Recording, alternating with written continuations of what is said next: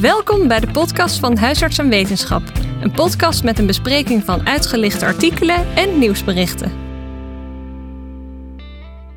HMW uitgelicht.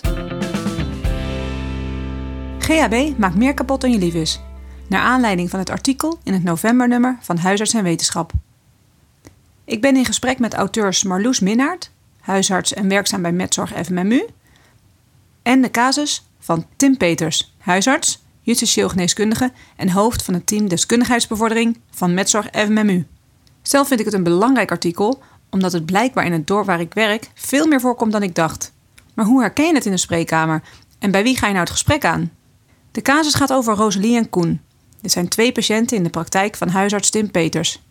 Het zijn twintigers en hebben allebei een blanco voorgeschiedenis. Ze wonen sinds een half jaar samen. Zij is bezig haar studie af te ronden en hij werkt bij een ICT-bedrijf. Rosalie meldt zich bij de huisarts met slaapproblemen en hartkloppingen. Ze blijkt ook een hoge bloeddruk te hebben. De huisarts heeft een niet pluisgevoel, maar komt er niet achter wat er precies aan de hand is. Hij vermoedt dat er meer speelt dan alleen examenvrees. Pas tijdens het tweede consult vertelt Rosalie dat ze het huis niet meer uitdurft zonder haar plastic waterflesje met vloeibare drugs. Die heeft Koen voor haar en voor zichzelf gemaakt van velgereiniger en gootsteenontstopper. Rosalie is afhankelijk geworden van de gamma-hydroxyboterzuur, ofwel GHB. Rosalie vraagt haar huisarts hulp bij het afkicken. Ze heeft begrepen dat het goed mogelijk is om thuis af te kicken met dempende medicatie. De huisarts besluit zich eerst verder te verdiepen in de materie. Straks spreken we Tim zelf over hoe het verder ging met Rosalie en Koen. Uit deze casus blijken de volgende aanknopingspunten voor GHB-gebruik: hypertensie, slapeloosheid en hartkloppingen. Marloes Minaert, dat klopt hè? Ja, dat klopt ja. Maar allereerst, uh, dat niet-pluisgevoel van die huisarts in deze casus, dat was wel terecht. Want uh, bij onder andere slaapstoornissen en angstklachten, zoals ook in die casus, moet de huisarts ja, of de praktijkondersteuner GGZ aan een relatie met drugsgebruik denken.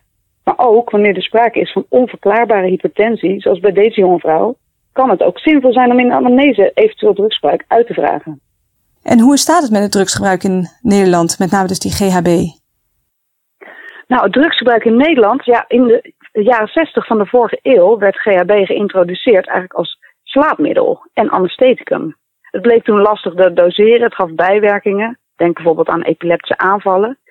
Ja, en toen is het niet meer in uh, gebruik geweest als medicijn.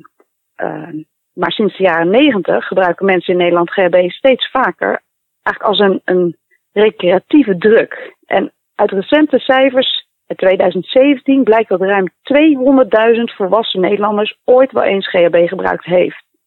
En andere interessante cijfers laten ons ook zien dat het aantal cliënten in de verslavingszorg en dan diegene met een primair GHB-probleem is gestegen van 60 in 2007 naar ruim 800 in 2015. Ja, dat is ongelooflijk veel, hè? En in de grote steden en ook bepaalde delen van Brabant staan echt als uh, hotspot bekend. En hoe is het uh, daaromheen en in welke leeftijdscategorie is dit met name, het gebruik? Nou, er zijn uh, twee onderzoekers, Ton Nabbe en Dirk Korf. En zij hebben in het tijdschrift over cultuur en criminaliteit geschreven over problematisch drugsgebruik in een aantal ja, zogenaamde rurale brandhaarden, oftewel de probleemgebieden op het platteland. een voorbeeld hiervan is de gemeente Twenterand. Dat is ja, een, aantal kleine dorpskernen en dat ligt in Overijssel.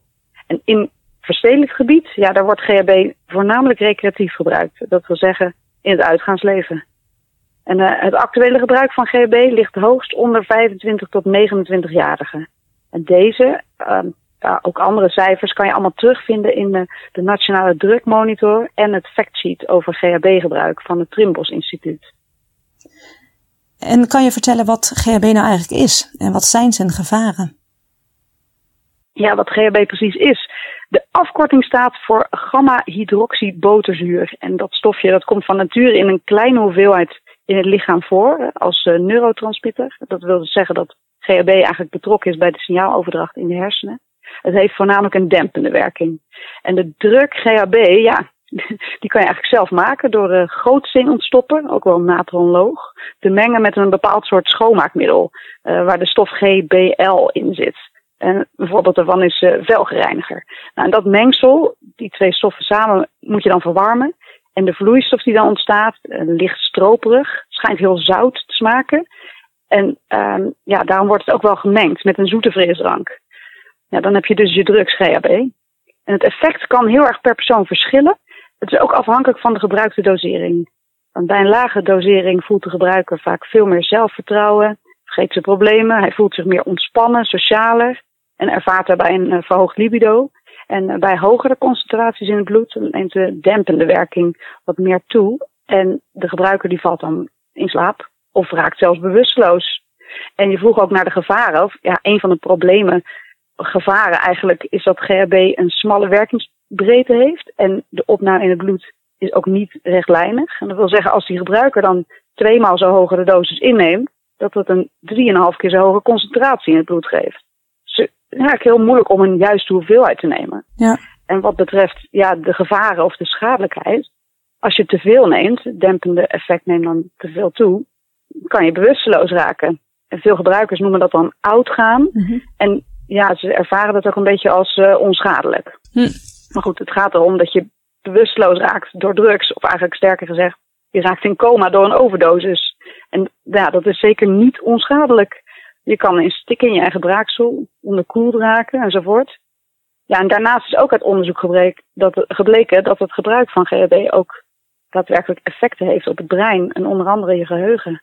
Dus je kan absoluut niet zeggen dat het onschadelijk is. Ja, ja. En het, uh, en het afkicken van de GHB, dat schijnt heel lastig te zijn, hè? Is dat waar? Ja, als je kijkt naar uh, GHB, hoort binnen de groep drugs tot de partydrugs met een hoog verslavingspotentieel, zo wordt het dan genoemd. Het is wel belangrijk voor huisartsen om te weten dat wanneer GHB dagelijks gebruikt wordt, dat het binnen enkele weken tot ernstige afhankelijkheid kan leiden. Als de patiënt dan afhankelijk is, dan zal hij of zij, om die onthoudingsverschijnselen tegen te gaan, frequent blijven gebruiken. Maar ja, stel dat de patiënt acuut stopt met chronisch GHB-gebruik, dan kan er een ernstig onttrekkingsbeeld ontstaan. Ja, dat kan binnen 1 tot 8 uur ontstaan en dan ernstige tremoren geven, slapeloosheid, angst, onrust. En dat varieert van, van milde angst tot zelfs hele ernstige agitatie.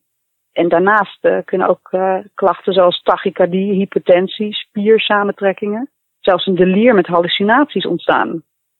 En die detoxificatie van GHB die kan vervolgens ook heel onvoorspelbaar verlopen. Onthoudingsverschijnselen kunnen wel 5 tot 15 dagen aanhouden. Hm, een lange tijd, zo hé. Ja. ja, en bij het afkicken van GHB bestaan dus deze somatische risico. En afkicken kan daardoor eigenlijk ook niet bij iedere GGZ-instelling gebeuren.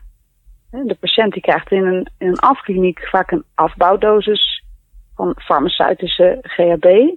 En dat kan dan voor 1 tot 8 keer per dag uh, gedoseerd worden. Ja, en uiteraard moet die patiënt dan gecontroleerd worden op ontwenningsverschijnselen, op somatisch.